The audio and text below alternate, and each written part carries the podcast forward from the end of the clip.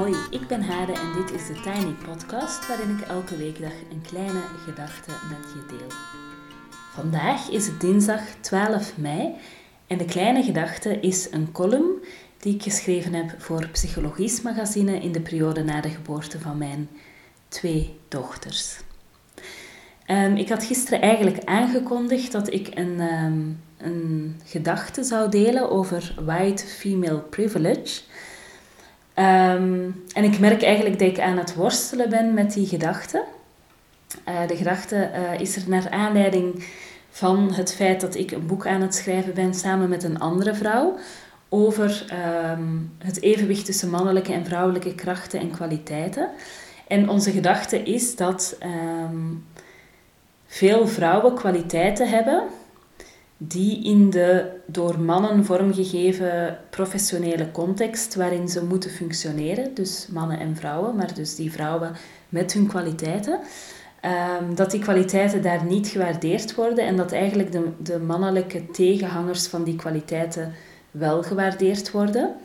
Um, en dat dat het eigenlijk moeilijker maakt voor vrouwen om um, ja, goed te functioneren in de wereld en om hun talenten eigenlijk goed te kunnen inzetten.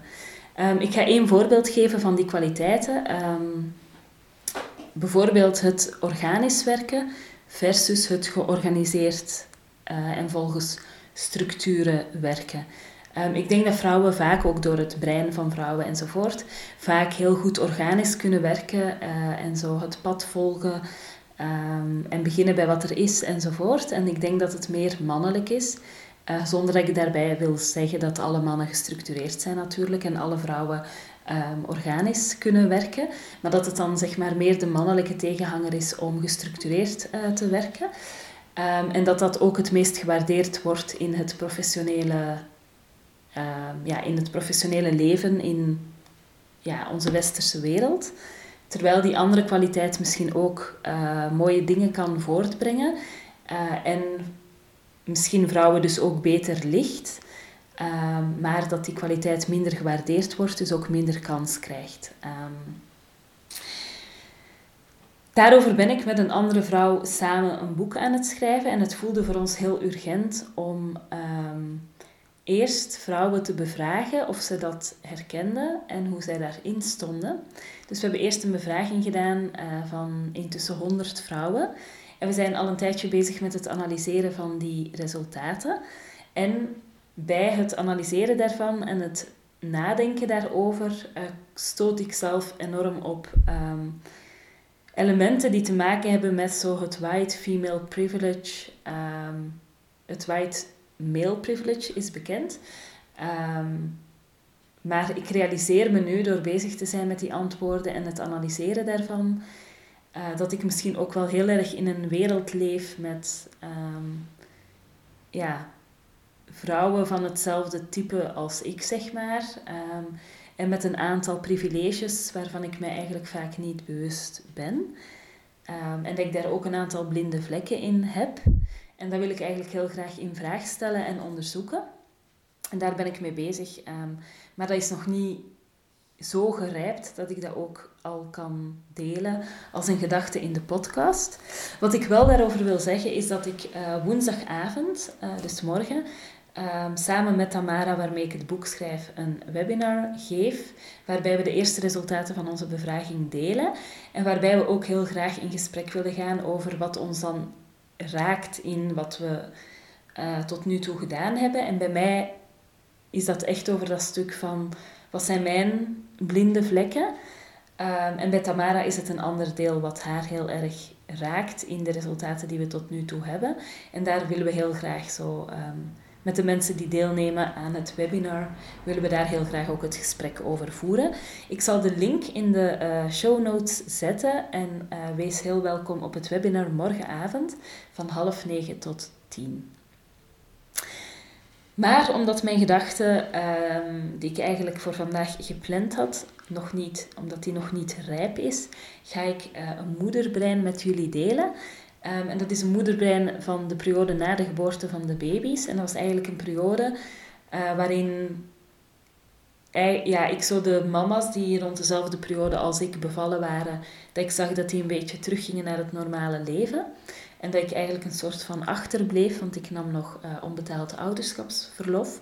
Ook een enorm privilege trouwens. En dat ik een beetje achterbleef in, dat, uh, ja, in die moederbubbel.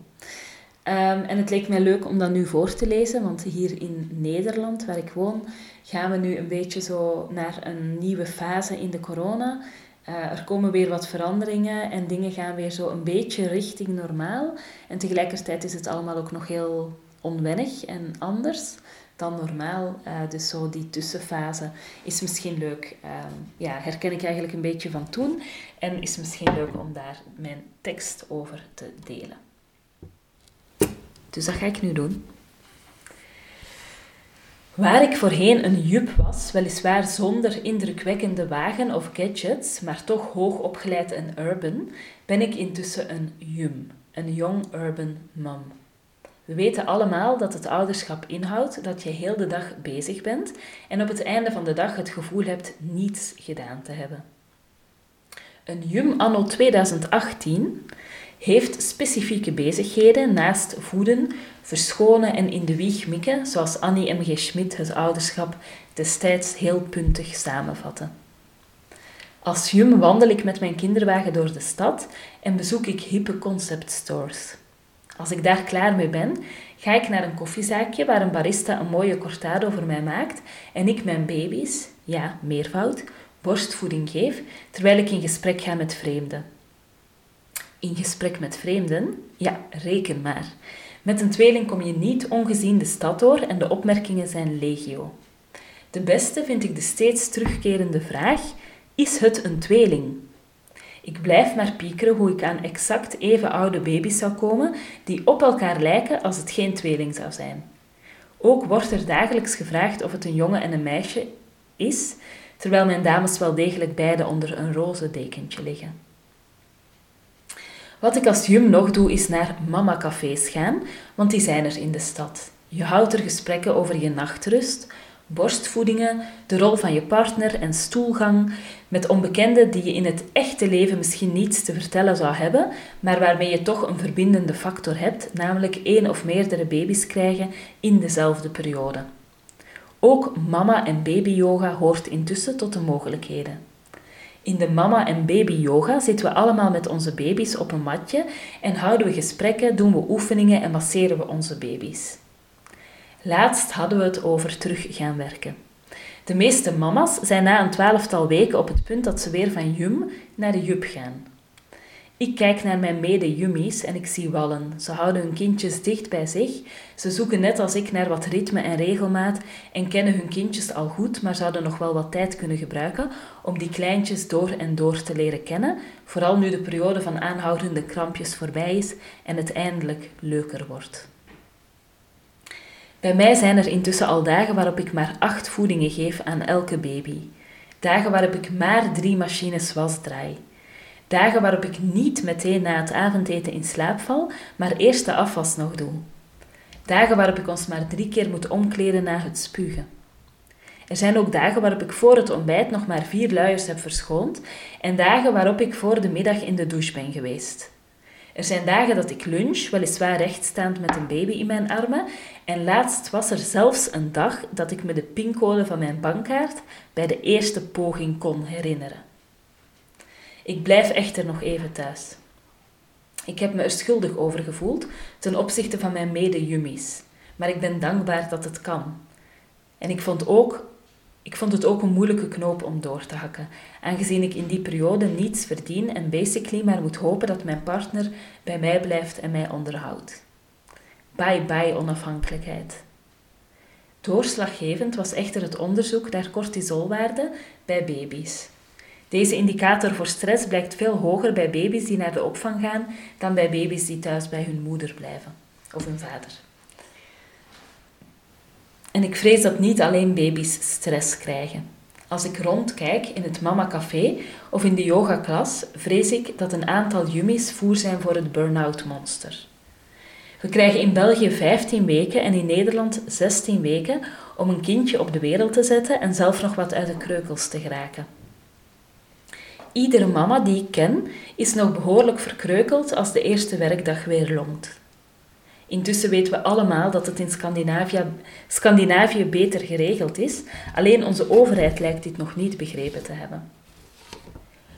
Het voelt bijna alsof ik alleen achterblijf als jum, terwijl iedereen weer de malle molen indraait. Maar ach, er zijn nog wel veel Instagram-waardige koffietentjes te bezoeken, waar ik vast wel met mijn tweelingwagen binnen kan. Nou, ik schrik er zelf van dat dit stukje alweer uh, twee jaar oud is, ongeveer. Nou, nog geen twee jaar, maar toch daterend van 2018. Lijkt al heel lang geleden. Um, intussen ben ik uiteraard dus wel weer aan het werk. Vind ik het ook heel leuk om terug te werken. En merk ik dat uh, mijn dochters het ook heel leuk vinden om um, wel een keer een ander gezicht te zien dan het gezicht van mij of mijn partner. Uh, dus denk ik ook dat het goed is voor kinderen dat er uh, ja, ook door andere mensen dan de ouders voor hen gezorgd wordt. Maar ik denk dat het daarbij ook cruciaal is dat iedereen daar aan toe is. Um, en ja, ik vond het echt een soort slagveld. Um, dat al die vermoeide moeders die nog zo erg aan het wennen waren aan hun lijf en uh, aan het niet meer zwanger zijn en aan het hebben van een baby en aan het hebben eventueel van meerdere kinderen.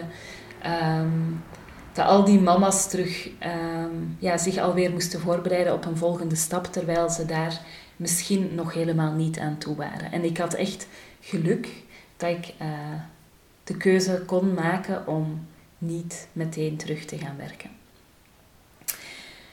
Tot zover de Tiny Podcast voor vandaag.